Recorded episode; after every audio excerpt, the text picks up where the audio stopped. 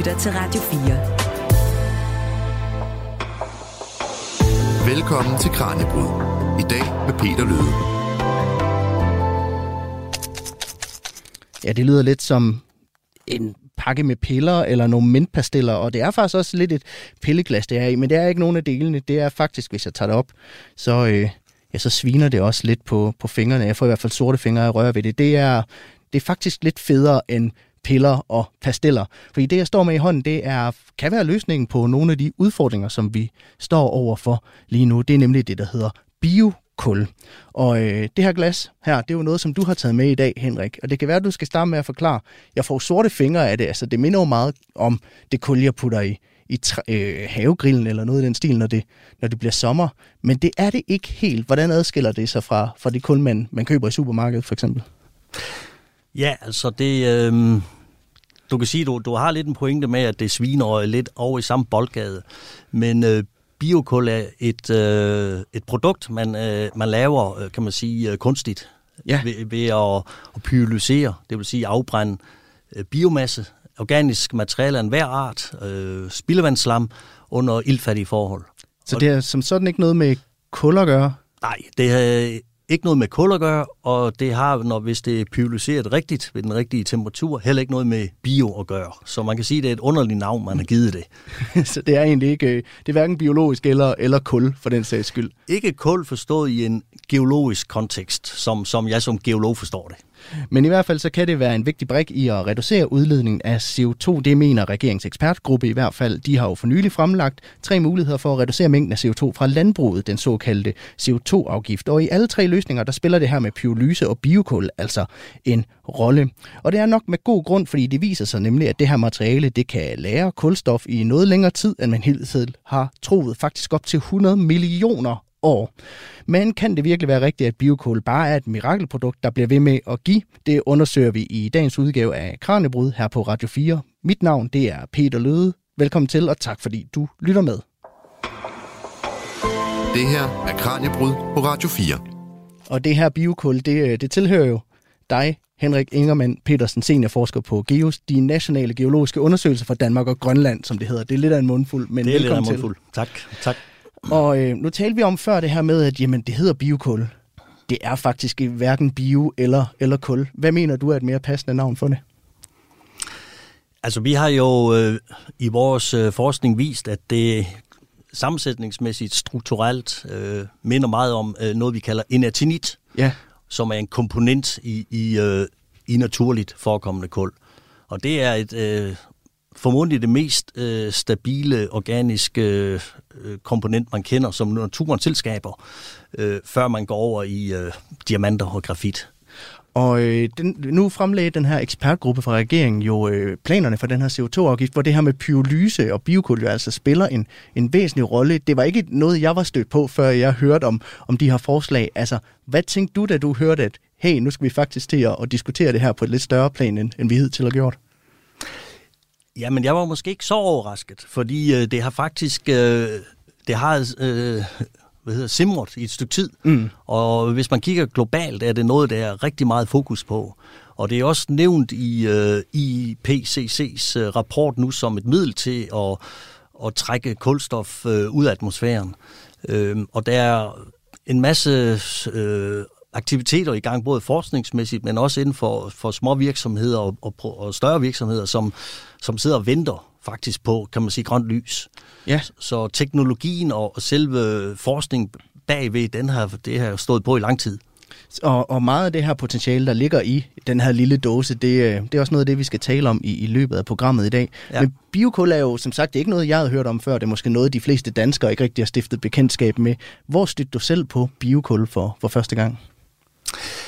Jamen altså, det er jo, øh, det kom så af det, at jeg er geolog som baggrund, men er specialiseret i organisk petrografi og organisk geokemi. Ja. Og det er jo videnskab, hvor man arbejder med karakterisering og forståelse af organisk materiale, dets omdannelse, sammensætning osv. Og, og der falder biokul øh, fuldstændig fint ind i den række af ting, man kigger mm. på. Øh, så da jeg stødte på det første gang, og det var så i forbindelse med øh, en mulig kulstoflæring, og det er det, man kalder CDR, Carbon Dioxide Removal ja. på engelsk, Øhm, så tænker jeg, jeps, det er jo en no-brainer, for det, er jo, det er jo sådan noget, vi har kigget på igennem jeg selv i over 30 år. Øh, og så hvis man kigger på det sådan øh, geologisk, øh, historisk, så i måske 70-100 år.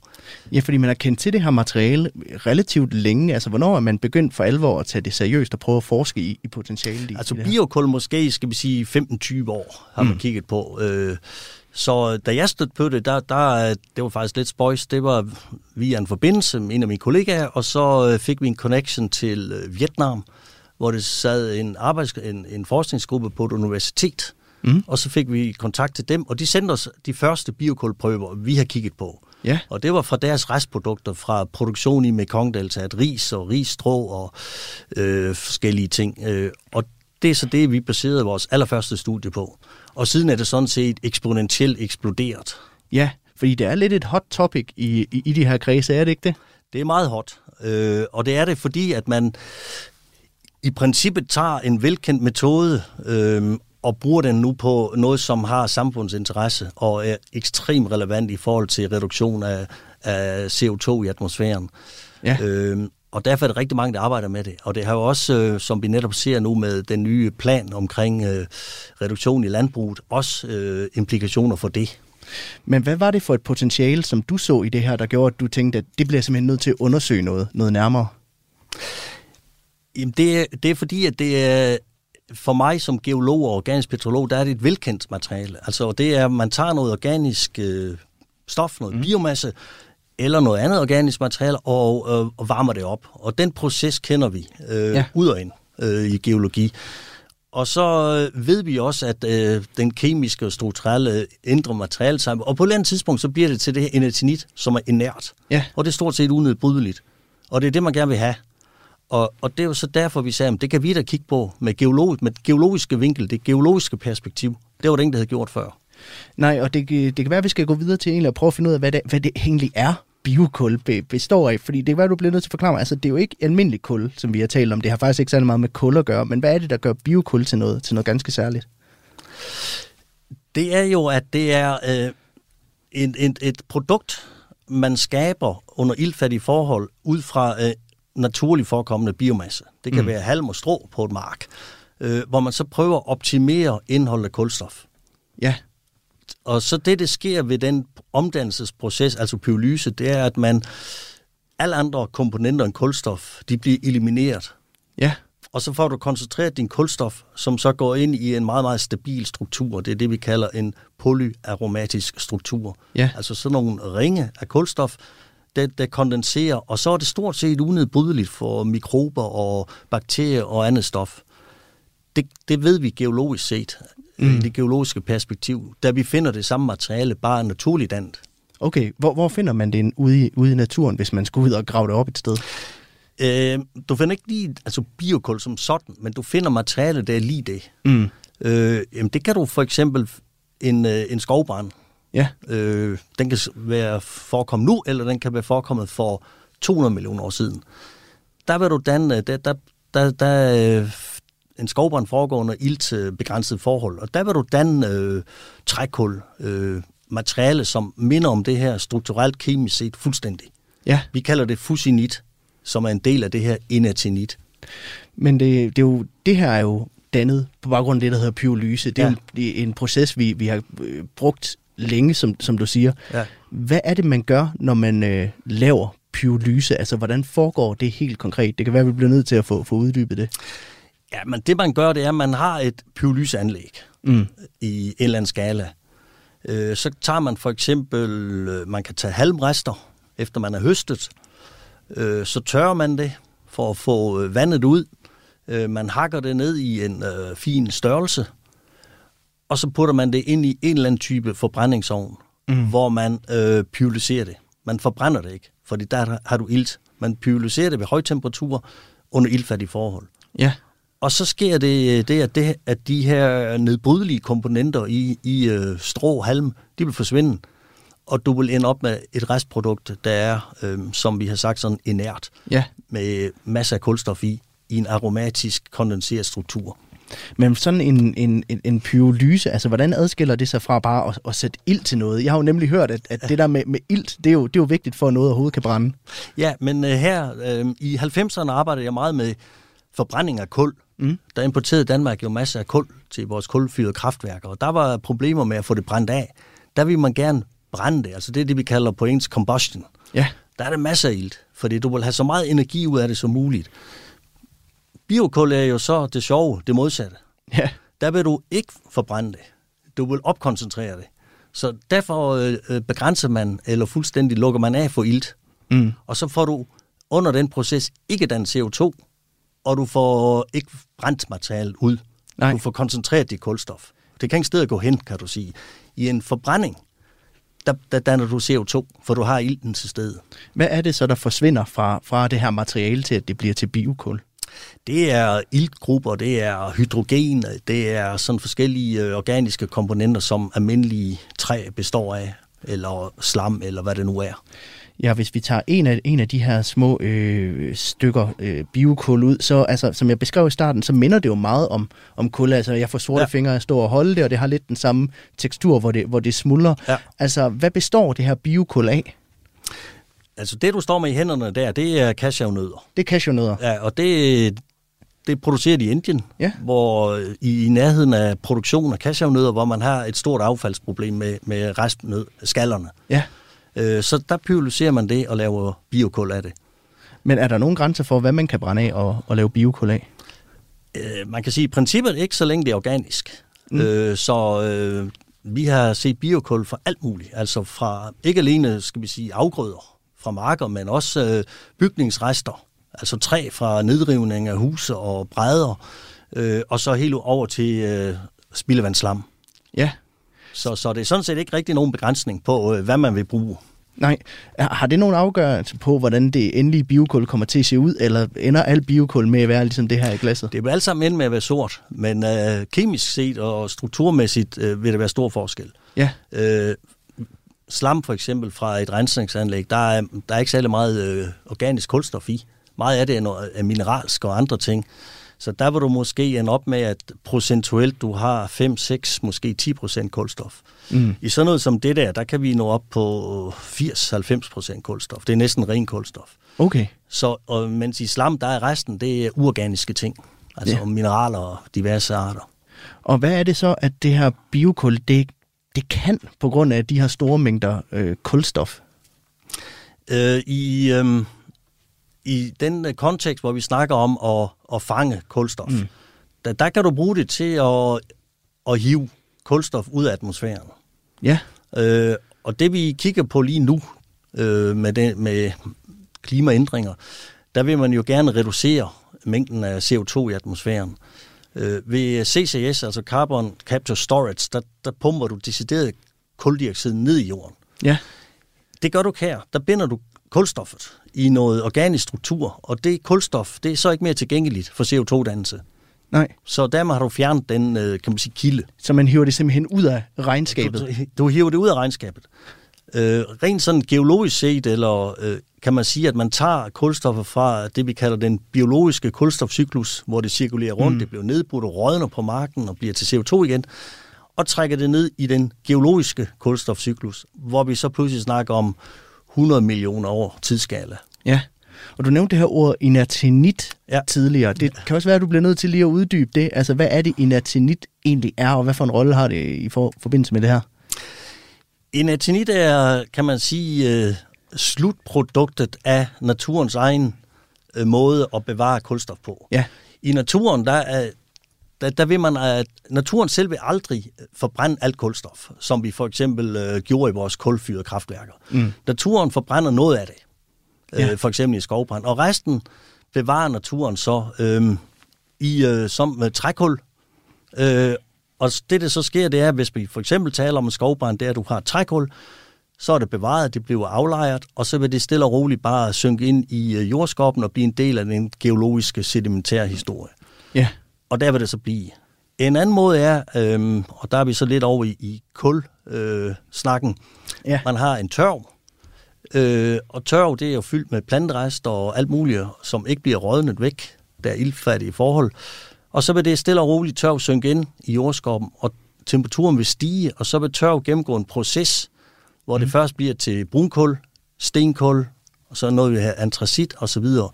Men hvis du kigger på de enkelte komponenter i kul, så vil slutproduktet, det vil være enetinit. Ja. Der vil alle andre kemiske elementer vil være fjernet, og du vil ende op med den her kulstoffrie, kondenserede struktur, som næsten er, skal vi sige, uforgængelig. Ja, og det, så det er simpelthen, inatinit er slutproduktet af den her naturlige proces, Ja, kan man sige, det. på en, på en eller anden Ja. fasong.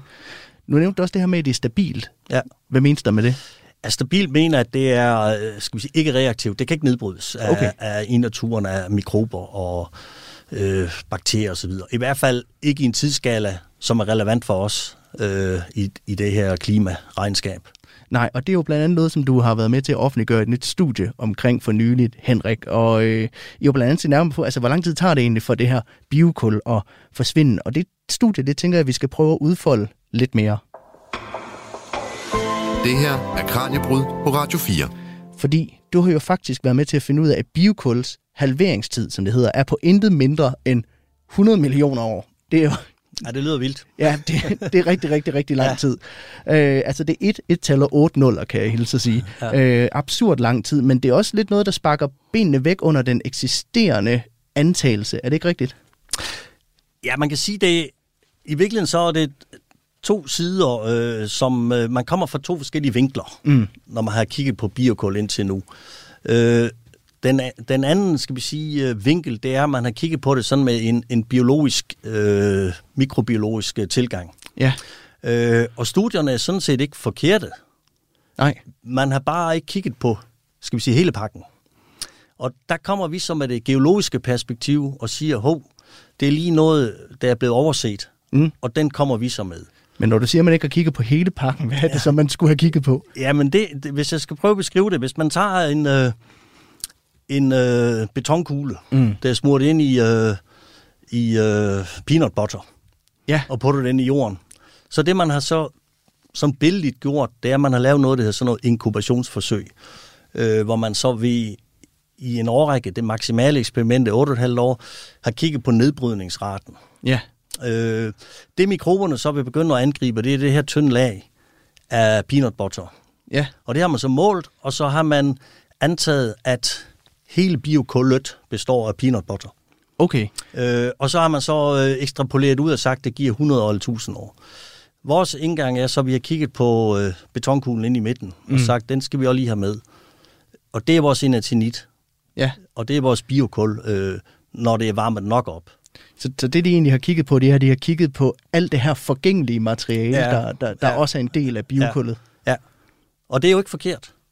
Nej. Det er bare ikke helt billedet. Men hvorfor er det overhovedet så vigtigt, hvor lang tid biokul bruger på at, at halvere sig? Det er vigtigt for at få det anerkendt som et middel til at, at lagre kulstof. Øh, ved 100 år er ikke nok. Nej. Øh, det er ikke accepteret. IPCC siger i hvert fald 1000 år. Øh, og når vi så siger 100 millioner år, så, øh, så er det så ekstremt lang tid, at mm. det næsten er svært at forholde sig til. øh, men man kan sige, det, det er ikke overraskende for en geolog, Nej. fordi man kan jo gå ud og tage fat i et kullag, der er 300 millioner år. Og i det kullag, der vil det være en del af det, vil være inatinit. Var det også det, der, der, der gjorde, at du tænkte, da du hørte den her halveringstid på, på godt 1000 år, at der er et eller andet, der ikke stemmer overens? Du kunne gå ud og finde en kul i jorden, der var, der Ja. var væsentligt ældre. Ja, det var, det var sådan set det, det animerede os til at sige, at der, der er noget her, der mangler, som, ja. Som vi kan bidrage med, altså med det geologiske perspektiv. Øh, nu har vi sådan set etableret nogle rigtig gode samarbejder øh, mm. med øh, biologer, mikrobiologer og, og, og jordvidenskabsfolk, øh, fordi øh, det gælder med at få hele pakken. Ja. Øh, så man kan sige, hvis man vil have biokul og anvende det til lagring af kulstof, så skal det varmes op til en 550 eller mere Ja. grader. Så, så bliver det sådan. Men det er også andre anvendelsesmuligheder. Ja. Øh, og der, der er jo en balancering af, hvad er det, man vil bruge det til. Ja. Og det er ikke nødvendigvis, at de to øh, fuldstændig matcher hinanden, altså anvendelsesmetoder. Ja, for hvorfor er det så vigtigt, hvor meget man opvarmer det til? Altså, hvad betyder det for strukturen i, i, i det endelige Jamen, produkt? det, er, det er for at, at nå det stadie, hvor øh, alt dit kulstof er gået ind i øh, den her inatinitstruktur. Mm. Så du har det her fuldstændig tætte kulstof, som er basalt set u- uangribeligt. Det kan ikke nedbrydes. Nej. Og dermed siger vi så, at det er stabilt. Er det så også det, der, det, at det er vigtigt at få varmet det op til den rigtige temperatur for at have den her halveringstid Ja, på de her det- 100 millioner år? Det er meget vigtigt. Altså man kan sige, at maksimum temperaturen er meget vigtig. Ja, Øhm, og og det, det, det har vi metoder til mm. at analysere og se, om, om man har nået det eller ej. Ja. For det kunne være, at vi skulle prøve at dykke lidt ned i det her med, hvordan I så har fundet frem til de her, den her halveringstid på, Ja. på, på de her 100 millioner år, som ja. Det jo er. Altså, hvordan er I gået til den opgave? Det er vi gået til ved, at øh, vi har lavet nogle oxidationsforsøg, Ja. ja. altså hvor vi med forskellige øh, opvarmningsrater har forsøgt at nedbryde et øh, noget biokul, som vi ved består af enatinit. Mm. Vi har udviklet, eller vi har brugt en metode for geologien til at definere, hvornår vi har enatinit. Det kan man gå ind og måle. Ja, Og så har vi set, hvor langt, hvor lang tid tager det så, eller når man så har de parametre, mm. øh, man har fået ved at varme det her op med forskellige opvarmningsrater, så får du noget, det hedder kinetik, nogle øh, nedbrydningsparametre. Og så har vi sagt, okay, hvis vi så tager det her biokul og lægger det på overfladen af jorden, mm. under meget, meget iltfattige, øh, rige forhold, ja, og en temperatur på 30 grader, og antager, hvilket er urealistisk, at det bliver liggende der. ja. Hvor lang tid vil det så tage, før det er væk med de her nedbrydningsrater, vi har modelleret os frem til? Så vil det tage cirka 100 millioner år, Okay. cirka, for at halvere indholdet af kulstof. Men hvordan finder I ud? I har jo ikke kunnet holde øje med det i 100 millioner år, kan man sige. Nej, det, det er jo igen modellering, Ja. ja. kan du sige. Det, det vil det altid være. Øh, man kan så sige, at i vores tilfælde, der øh, matcher resultaterne øh, det, vi ser i de geologiske aflejringer, den, Ja. ja. den geologiske historie. Der, der kan vi jo gå ud og tage fat i materiale, der er fuldstændig lige det her, Ja, som vi ved er flere hundrede millioner år.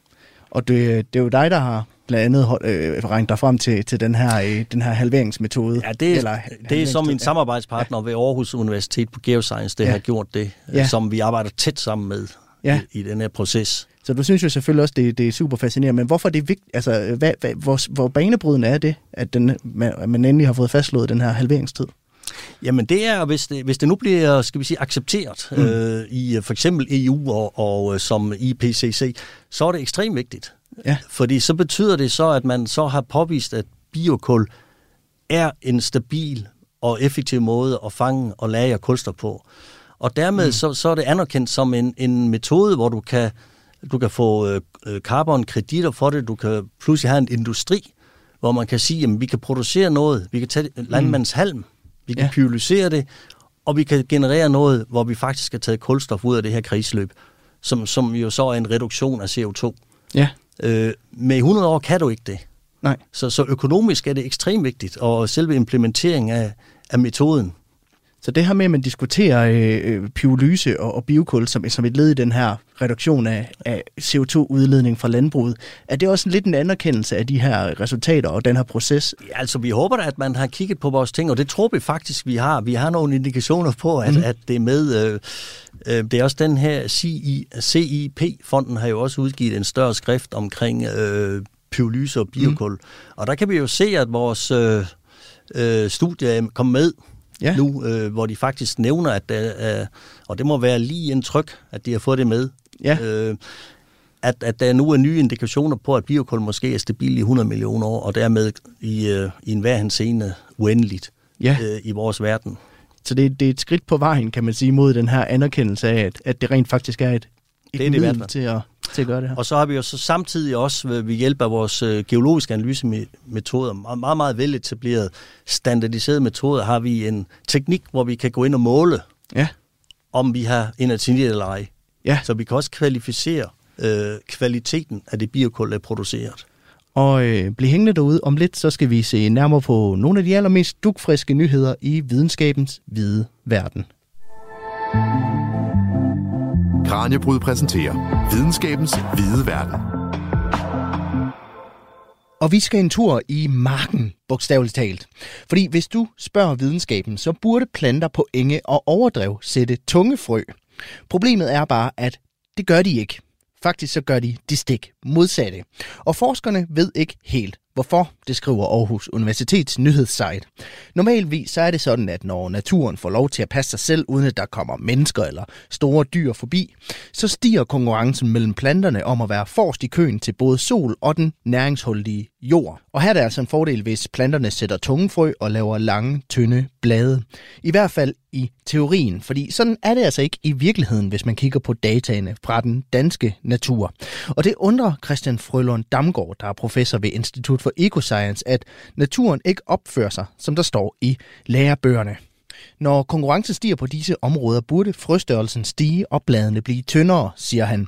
Men det modsatte sker, og det har jeg simpelthen ikke en forklaring på. Det fortæller han til Aarhus Universitets nyhedssite. Christian Frølum Damgaard har gennemgået næsten 8.900 prøver fra 236 danske enge, og billedet er tydeligt. Ukrudtsplanterne er på vej væk, og i takt med, at ukrudtet går tilbage, så burde de her tungfrøde planter altså gå frem men de er også på retræte. Det er et mysterium, siger Christian Frølund Damgaard. Der er et eller andet på spil her, som vi simpelthen ikke forstår, afslutter han. Og det er svært at komme med en egentlig forklaring på, hvorfor naturen opfører sig så uforudsigeligt, men alligevel så har han nogle bud. Der kan være mange forskellige årsager. Klimaet ændrer sig, vi får mere nedbør. Antallet af økologiske nischer øges, siger han og fortsætter. Områderne bliver måske græsset mindre og får tilført mindre kvælstof end tidligere. Det bidrager alt sammen til, at sammensætningen af arter, den ændrer sig. Det var alt fra denne udgave af Videnskabens Hvide Verden her i Kranjebryd. Nu skal vi tilbage til snakken i studiet, hvor fokus altså er på biokul.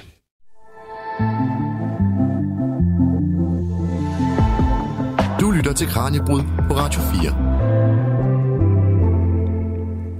Ja, det er det her, det handler om, nemlig biokul, som du har taget med i et lille glas her. Det ligner lidt et, et pilleglas. Øh, et materiale, som bliver øh, til ved det, der hedder pyrolyse, en forbrænding, som foregår uden ild. Og det er altså lidt et mirakelmiddel, som man kan bruge til, til lidt af hvert. Min gæst i dag er Henrik Ingermann Petersen, der er seniorforsker på GEOS, det der også hedder de nationale geologiske undersøgelser for Danmark og Grønland. Og du har blandt andet været med til at offentliggøre nye resultater, der viser, at det her biokul, der så altså tager op imod 100 millioner år om at blive halveret. Så lad os se på, hvad vi faktisk kan bruge det her biokul til, fordi det er jo noget med, at man blandt andet kan bruge det i landbruget. Det er jo det, vi hører debatteret for tiden. Jo, det er det. Øhm, Udover selvfølgelig det her med selve kulstoflæring, så, så øh, ved man, at øh, biokul også kan, hvis man har dårlige jord, vel at mærke, mm. øh, forbedre jordkvaliteten. Ja. Øh, og det, det, har, det kan have store implikationer, fordi øh, det kan holde på næringsstoffer, øh, det kan holde på vand, og det skyldes, øh, fordi det er meget porøst materiale. Øh, og der ved man fra forsøg, øh, for, for eksempel i Indien, at man kan øge mængden af afgrøder øh, betragteligt på den samme jord. Ja. Simpelthen bare ved at tilføre noget biokul. Altså, hvordan tilfører man det? Stryger man det bare ud sådan, øh, på, på jorden? Ja, og så, eller, gør man det? ja, så pløjer man det ned. Ja. Øh, og, det, og det vil så sige, så bliver det en del af, af jorden. Mm. Øh, og det, det, det er ligesom naturen selv gør. Der, mm. der har vi også masser af sådan noget, vi kalder det disperst organisk materiale, som ligger øh, i alle mulige øh, jordaflejringer, ja. øh, geologisk set. I hvor høj grad er der, er der forsket i det? Altså, hvad er det for øh, resultaterne viser om effekten øh, af, af det her på, på at, at øge hvad kan man sige, næringen i, i jorden? Jamen, det, det er en af de ting, hvor det er lavet rimelig meget forskning. Øh, også sådan nogle feltstudier, mm. hvor man laver simpelthen komparative studier, hvor man har en, en jord, øh, som man bare dyrker helt normalt, og så har man en, en jord ved siden af, hvor man har tilført biokul. Øh, og, og det biokul gør det, for eksempel hvis man har perioder med, eller områder med lidt regn, mm. så, så kan det øh, øge vandmængden betragteligt i jorden. Det kan også øge øh, mængden af næringsstoffer. Ja. Det kan for eksempel betyde, at man ikke behøver at, at gøde så meget. Øh, og på den måde, der har man set, at, at man kan høste væsentligt større mængder. Øh, man ved så også, at for eksempel de danske jord, hvor, som er rimelig øh, øh, næringsrige, og sådan, mm. der har det ikke den helt store effekt. Nej, fordi jeg skulle også til at sige, at altså noget af det, vi kæmper meget med herhjemme, ja. det er jo netop, at vi har måske endda for mange næringsstoffer ja, i vores jord præcis, og vores ja. vandløb herhjemme. Altså, ja. vil det her øh, puste til den ild? Det vil jeg ikke tro, det vil. Nej, Nej. altså det, det tror jeg ikke. Altså det, det, det er mere en effekt der, hvor du har mangel på det. Okay. Øh, men det er ikke noget, jeg selv har forsket i, vil Nej. jeg sige. Men man kan simpelthen bruge det som en form for, ikke gødning, men simpelthen for at skabe mere frugtbar jord på, ja. på en eller anden façon. Ja, præcis. Altså det er jo det, er jo det man kan. Øh, det, det er sige, det, det er specielt anvendeligt i, øh, i områder, hvor du har enten meget sandet jord, hvor mm. det er meget næringsfattig jord, eller øh, hvor du har tørke, hvor du simpelthen holder på vandet. Øhm, og, og dermed kan faktisk, måske kan i, i over en tørkeperiode have nok vand i din jord til, at, du, øh, at din afgrøde faktisk stadigvæk gror eller ikke øh, visner hen. Så det, det vil jeg mene bestemt er perspektiv i, og det er også derfor, man, øh, man forsker i det mm. øh, i uland og, og, eller varme land, hvor det er varmt og, og hvor man har de problemer. Og øh, nu er vi ved landbruget, så ja. tænker jeg, at vi skal høre et lille indslag, fordi ja. landmænd de må nu sprede biokul på deres marker som et gødningsprodukt, men det er ikke særlig udbredt. Spredningen kræver en tilladelse fra kommunen, og for at få den, så skal man leve op til en række forskellige krav. Arne Grønkær Hansen er specialkonsulent med fokus på klima ved Innovationscenter for Økologisk Landbrug, og han fortæller, at biokul ikke er så interessant som gødning, men som en faktor i landmændenes klimaregnskab. Der kan det blive væsentligt, skønner han. For landmanden, der kan det selvfølgelig være en, en fordel, måske for hans, for hans regnskab om at reducere hans, hans CO2-udledning. Fordi som, som gødning, der er der ikke så meget gød, jo, der er fosfor i det. Men det er faktisk en af de ting, hvor vi er en lille smule bekymret for, at det nogle gange kan blive bundet for hårdt, det fosfor, når man brænder det af ved, ved øh, en, en 600 grader eller deromkring, uden ilt til stede. Det er det, man gør i en pyrolysereaktor. Hvad er problemet, siger du, hvis, hvis, hvis det bliver brændt for hårdt med fosfor? Ja, så kan det være, at planterne ikke kan få fat i, i det fosfor. Og så bliver det altså bare liggende i, i jorden, i, også ligesom kulstoffet i, i 100 år. Og planterne har brug for fosfor.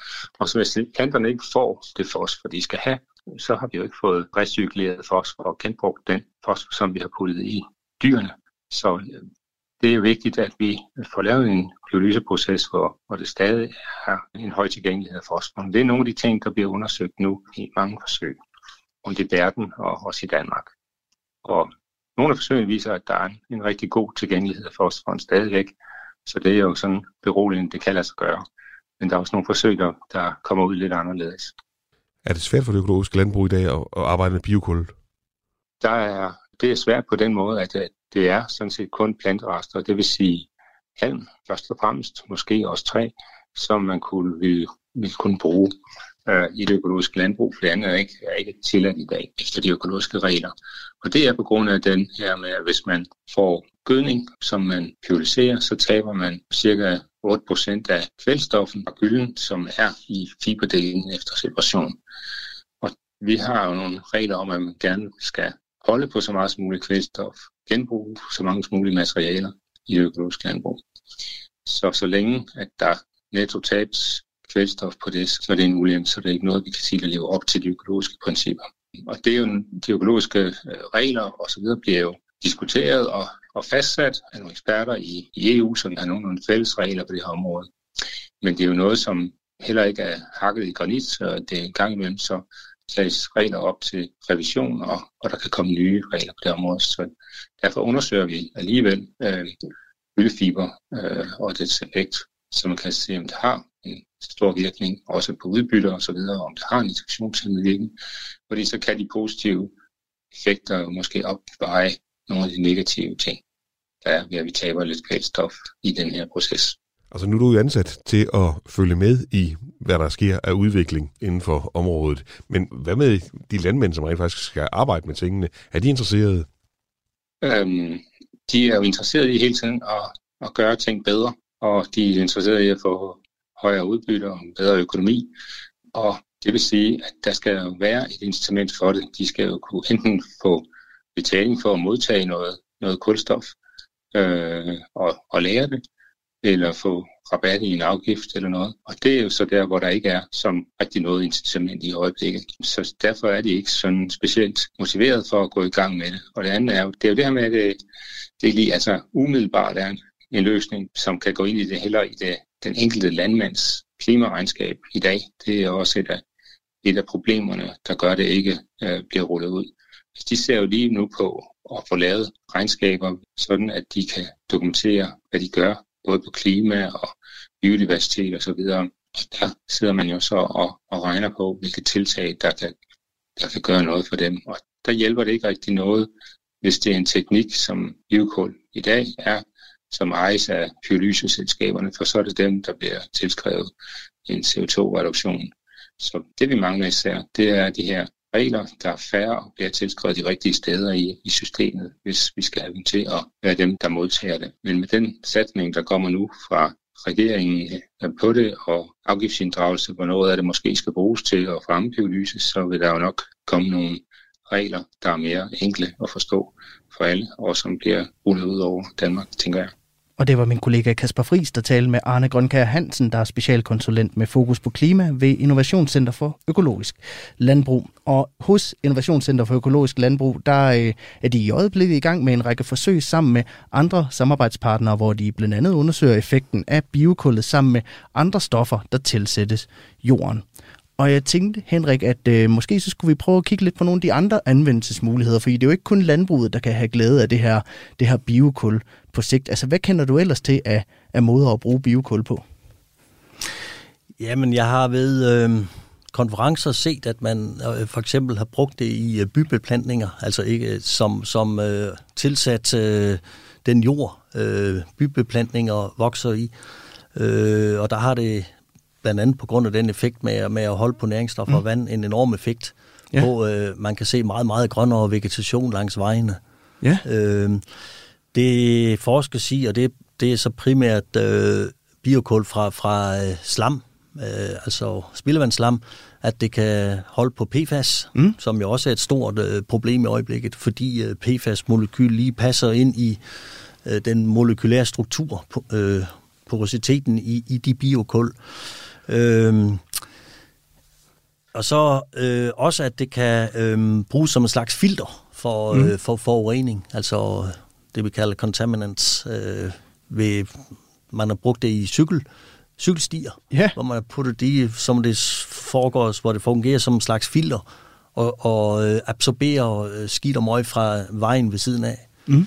Så, så det har rigtig mange, øh, kan man sige, side, eller måske primære øh, øh, anvendelsesmuligheder. Men hvad er det, der gør, at det er særligt egnet til at binde PFAS? Jamen det, det er... Øh, det er jo ikke noget, jeg selv har forsket i, men øh, det er øh, de porer, mm. porositeten af den øh, biokul, øh, den, den, der passer PFAS-molekylet simpelthen ind i. Altså som to brikker i et puslespil? Stort set, ja. Altså sådan billigt talt. Og så sidder det, og når det så sidder der, så sidder det der bare. Ja. Øh, og så, så er det immobilt. Det vil sige, det, det flyttes ikke rundt mere. Men hvor meget forskes der i, i, i anvendelsesmuligheder ud over det her øh, perspektiv, som, som, hvor, landbrug, altså, hvor landbruget er inddraget, som jo klart er det største perspektiv? Altså hvor meget forskes der ellers, også her i Danmark, i, øh, i andre øh, hvad kan man sige, anvendelsesmuligheder? I Danmark ved jeg ikke specifikt, hvad det gør, men jeg ved, at det, det forskes også i for eksempel som tilsætning til byggemateriale ja. i øh, beton. Øh, så øh, det, forskes, det forskes rigtig meget øh, rundt omkring, mm. øh, hvad, hvad man kan anvende det her til. Så på den måde er det en form for svejserkniv, kan man sige, med forskellige øh, anvendelsesmuligheder. Ja. Og det er jo ikke sikkert nødvendigvis, at hvis vi nu for eksempel lige går tilbage til at lagring, så skal vi op på de her 500-600 grader. Mm. Og så hørte jeg også Arne Grønkær Hansen, han sagde med, at det er bundet meget hårdt. Og mm. det kan jo godt være, når man producerer biokul ved 600 eller mere grader, at at det er jo for at få et ekstremt stabilt materiale. Hvis man så går øh, ned ved lavere temperaturer, så er det jo ikke så hårdt bundet. Nej. Øh, men der kan det så være måske kun 70 procent af kulstoffet er det, vi kalder inertinit, altså stabilt, unedbrydeligt. Men mm. så har du så en anden del, som så er mere mobil, øh, reaktiv, som, som mikroberne kan bruge, eller man kan frigøre øh, næringsstoffer fra. Ja. Så det er jo så en balance. Så man, man kan jo ligesom designe det lidt og sige, at vi vil, vi vil binde 60% af vores kulstof. Det er så vores øh, kulstofkredit, kan man sige, klimakredit. Men resten vil vi godt anvende i vores jord. Ja. Som, som næringsstof eller til, øh, hvordan det nu fungerer. Så man vil simpelthen kunne designe det efter, hvor hårdt man varmer det op? Ja, fordi man ved, vi ved jo, og vi kan sådan set øh, på, øh, estimere fraktionen af, hvor meget er fuldstændig stabilt, mm. altså non-reaktivt fast, og hvor meget er ikke. Hvor meget kan mobiliseres af mikrobakterier. Ja. Så, så det, og det, det, øh, der er jo der, um, lavet masser af biokul uh, med forskellige skal vi sige, temperaturer, hvor vi ved, at den her variation mellem, hvad det er stabilt og ikke stabilt, ja. reaktivt, den, den varierer utrolig meget. Så der, der er simpelthen et spænd af muligheder i både, hvad, hvad det kan, og, og, og, og hvad der er muligheder for os at designe det her biokul til at forskellige funktioner. Det er det, ja, det er det.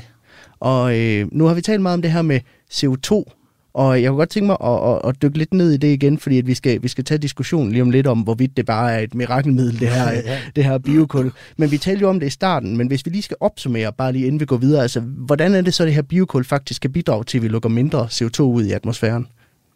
Det kan det ved, at man, hvis vi tænker på en dansk mark, hvor mm. vi har halmrester, i stedet for at tage halmen og gå ind og brænde det af, for eksempel i et bioanlæg, hvor man danner CO2, så pyrolyserer du det, og så den kulstof, der sidder i dit halm, den bliver bundet i biokul, og så er den ikke længere tilgængelig Nej. til CO2-dannelse, og dermed er den pillet ud af regnskabet. Men er biokul så løsning på CO2-krisen? Det spørgsmål, det øh, stiller jeg lige om lidt. Det her er Kranjebrud på Radio 4. Fordi nu har vi jo talt om alle herlighederne ved, øh, ved biokul, og det er også om, hvordan det kan bruges til at lære det her kulstof, så det aldrig bliver udledt som CO2 via den her afbrænding i første omgang. Men hvor meget ved vi egentlig om, hvor, øh, hvor stor en, en reduktion i CO2-udledning fra, fra landbruget, som biokullet vil, øh, vil kunne tage hånd om? Det har jeg ikke øh, nogen tal på i mit hoved, Nej. Øh, hvor meget det er. Men man, hvis vi taler om biokul som mirakelmiddel, så er det jo ikke sådan, at det, det står alene. Nej. Men den situation, vi er i nu, hvor vi øh, jo ikke kun ønsker at reducere vores udslip til CO2, men også at reducere mængden af CO2 i atmosfæren, der er biokul et middel, øh, som er med til det. Ja. Sammen med for eksempel øh, koldioxidlagring, altså CCS. Ja. Det, det er jo det er to midler, man kan øh, bruge samtidigt, øh, som hver især bidrager til at reducere mængden i, øh, i atmosfæren af CO2. Men hvis der skal laves et, et impact på mængden af CO2, der bliver udledt, så skal man vel også lave enormt meget biokul, tænker jeg. Det, øh, det skal man. Man skal selvfølgelig have det skaleret op, øh, og det skal, det skal jo ikke kun være i Danmark. Nej. Øh, man skal have det bredt ud, øh, og, og der er jo øh, aktiviteter i Europa, i Australien, i Indien, som vi har selv. Du står selv med noget biokul mm. fra Indien. Så øh, USA, der er en masse aktiviteter i gang, øh, hvor man arbejder med det her øh, materiale som en mulig øh, løsning til at binde øh, kulstof og lære det.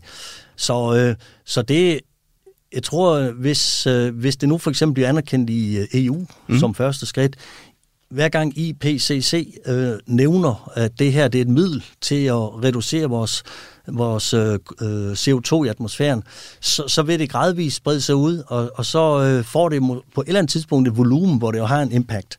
Ja, altså fordi, en indflydelse, ikke? Ja, fordi Arne Grønkær, han nævnte jo også i, i indslaget, vi hørte før, ja. at, at jamen, de her pyrolyseapparater, altså det, der mm. kan lave den her proces, de, der er jo meget få af dem, og de sidder typisk i hænderne på, på, på enten forskere eller virksomheder. Men vi skal vel have den teknik ud til den almindelige landmand, for at det virkelig batter noget. Ja, man kan sige, altså optimalt set, så kunne man jo forestille sig et scenarie, hvor man har øh, mindre pyrolyseanlæg i et eller andet område, øh, tæt måske ved kilden. Det, ja. det kan være, man kan producere cashewnødder, man kan halm eller øh, risrest, eller hvad ved jeg. Øh, og så øh, har man en eller anden form for øh, øh, decentralt anlæg, pyrolyseanlæg, hvor et område så leverer til. Det, det kan jo kombineres med, øh, man, ligesom man har med biomasseanlæg, mindre biomasseanlæg. Øh, samtidig så er det jo også det ved biokul, når man producerer det. Mm så får man jo også dannet gas, biogas, ja. og man får dannet biofuel, altså øhm, den gas, den kan man jo også bruge. Man kan bruge det til at køre selve pyrolyseprocessen, eller man kan anvende den til opvarmning, eller, øh, eller andre ting. Det er jo en energikilde. Ja. Og det samme med biofuel, som man øh, kan processere og så arbejde med at få over til en erstatning til fossil øh, brændstof. Men er der slet ikke nogen bagside af medaljen ved det her produkt? Altså er der slet ikke nogen negative effekter af, af, af biokul?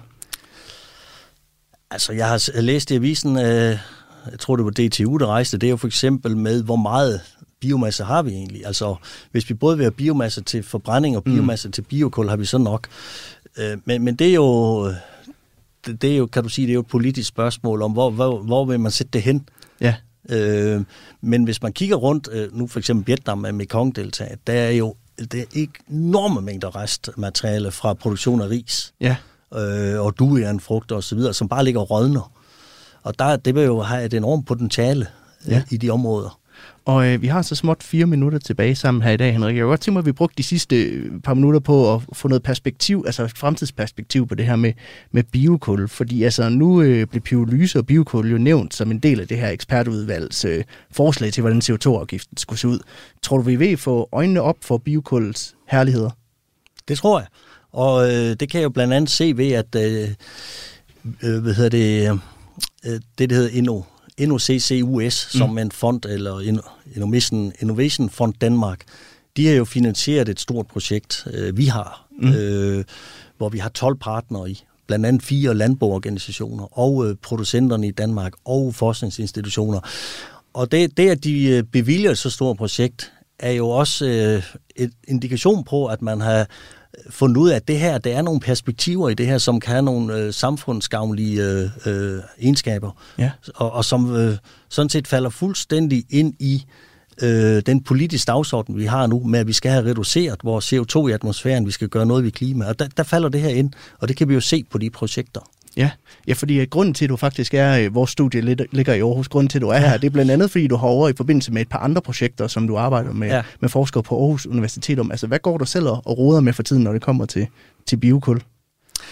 Det vi arbejder med nu, det er sammen med uh, Geoscience på Aarhus Universitet, mm. det er, at vi arbejder videre med uh, de her 100 millioner år. Vi vil udføre endnu flere uh, oxidationsforsøg uh, for at og styrke vores model. Mm. Øh, vi kigger på øh, strukturen af biokul i et større perspektiv, altså flere prøver for at konsolidere vores øh, udsagn, ja. vores øh, resultater, kan man sige. Øh, øh, så, så, øh, og så er vi tæt sammen med det, der hedder European Biochar Industry, også, øh, også fordi det er ligesom dem, der, der har behov for, hvad vi laver. Så, så vi også ligesom leverer det, øh, skal vi sige, industrien, men også samfundet har brug for, for, ja. for at kunne tage nogle beslutninger omkring, øh, omkring det her, nogle øh, vidensbaserede beslutninger. Er der så noget, som vi stadigvæk mangler at få svar på, når det kommer til, til forskning i, i det her materiale? Der er masser af ting. Altså, der er jo... Øh, øh, det kan være øh, opvarmningsraten for eksempel. Mm. Der er forskellige pyrolyseovne, og så, som vi også har været inde på, der er en enorm variation i øh, biomassematerialet. Ja. Og der er garanteret også nogle variationer i det. Øh, og det, det, det kan man jo alt sammen få kigget mere på i detaljer for at få en, en større forståelse af, hvordan de forskellige biomasse-brændsler virker. Ja, så simpelthen at finde, den, finde den ideelle opskrift på, på biokul i, i sidste ende. Ja, optimere processen, øh, forstå om der er nogle øh, ligheder, der går igen, uanset hvad man brænder af, eller om der er nogle forskelle, øh, som man lige skal tage højde for. Mm. Vi ved for eksempel, man skal knuse det rimelig meget ned i øh, små stykker, når man pyrolyserer det, ellers når varmen ikke ind ja. øh, i de her piller, man har. Og det vil så sige, at den indre del, den får simpelthen ikke varme nok. Ja. Så du har en skal, der er en atinit, der er en unedbrydelig, så har du et indre, som ikke rigtig er øh, påvirket endnu. Ja. Og det er jo, det er jo nogle, øh, noget data-input, som kan gå direkte ind og optimere produktionen, ja. så det bliver rigtigt. Så det handler simpelthen om at prøve sig frem og finde ud af, hvad der er den, både den bedste metode og den bedste temperatur og det bedste materiale. Ja, det er, det er sådan en, øh, det, det er nok at tage fat i. hvad glæder du dig så mest til at, at blive klogere på i, i fremtiden, når det kommer til biokul? Jeg glæder mig til, øh, når vi når til det punkt, hvor vi har så solid data, at vi kan sige, at det her, det er stabilt i mm. så lang tid, at perspektiv, at vi ikke behøver at diskutere det mere. Ja. Og at vi har vist, som vi så tror, vi allerede har, men hvor vi også kan overbevise andre om, at det, vi står med i hænderne her, det har naturen selv skabt i øh, flere hundrede millioner år. Ja. Og det er der endnu, så det vil det her også være. Henrik Ingermann Petersen, seniorforsker på GEOS, de nationale geologiske undersøgelser for Danmark og Grønland. Tak fordi du har lyst til at tage biokul med ind forbi og gøre os klogere på det her i dag. Tak fordi jeg måtte være her. Således nåede vi til vejs ende i dagens udgave af Kranjebrud her på Radio 4. Tusind tak, fordi du lyttede med. Jeg hedder Peter Løde, og programmet er produceret af produktionsselskabet Videnslyd til Radio 4. Husk, at vi er tilbage igen i morgen kl. 12.10. Nu er det efterhånden blevet tid til, at nyhederne tager over her på kanalen.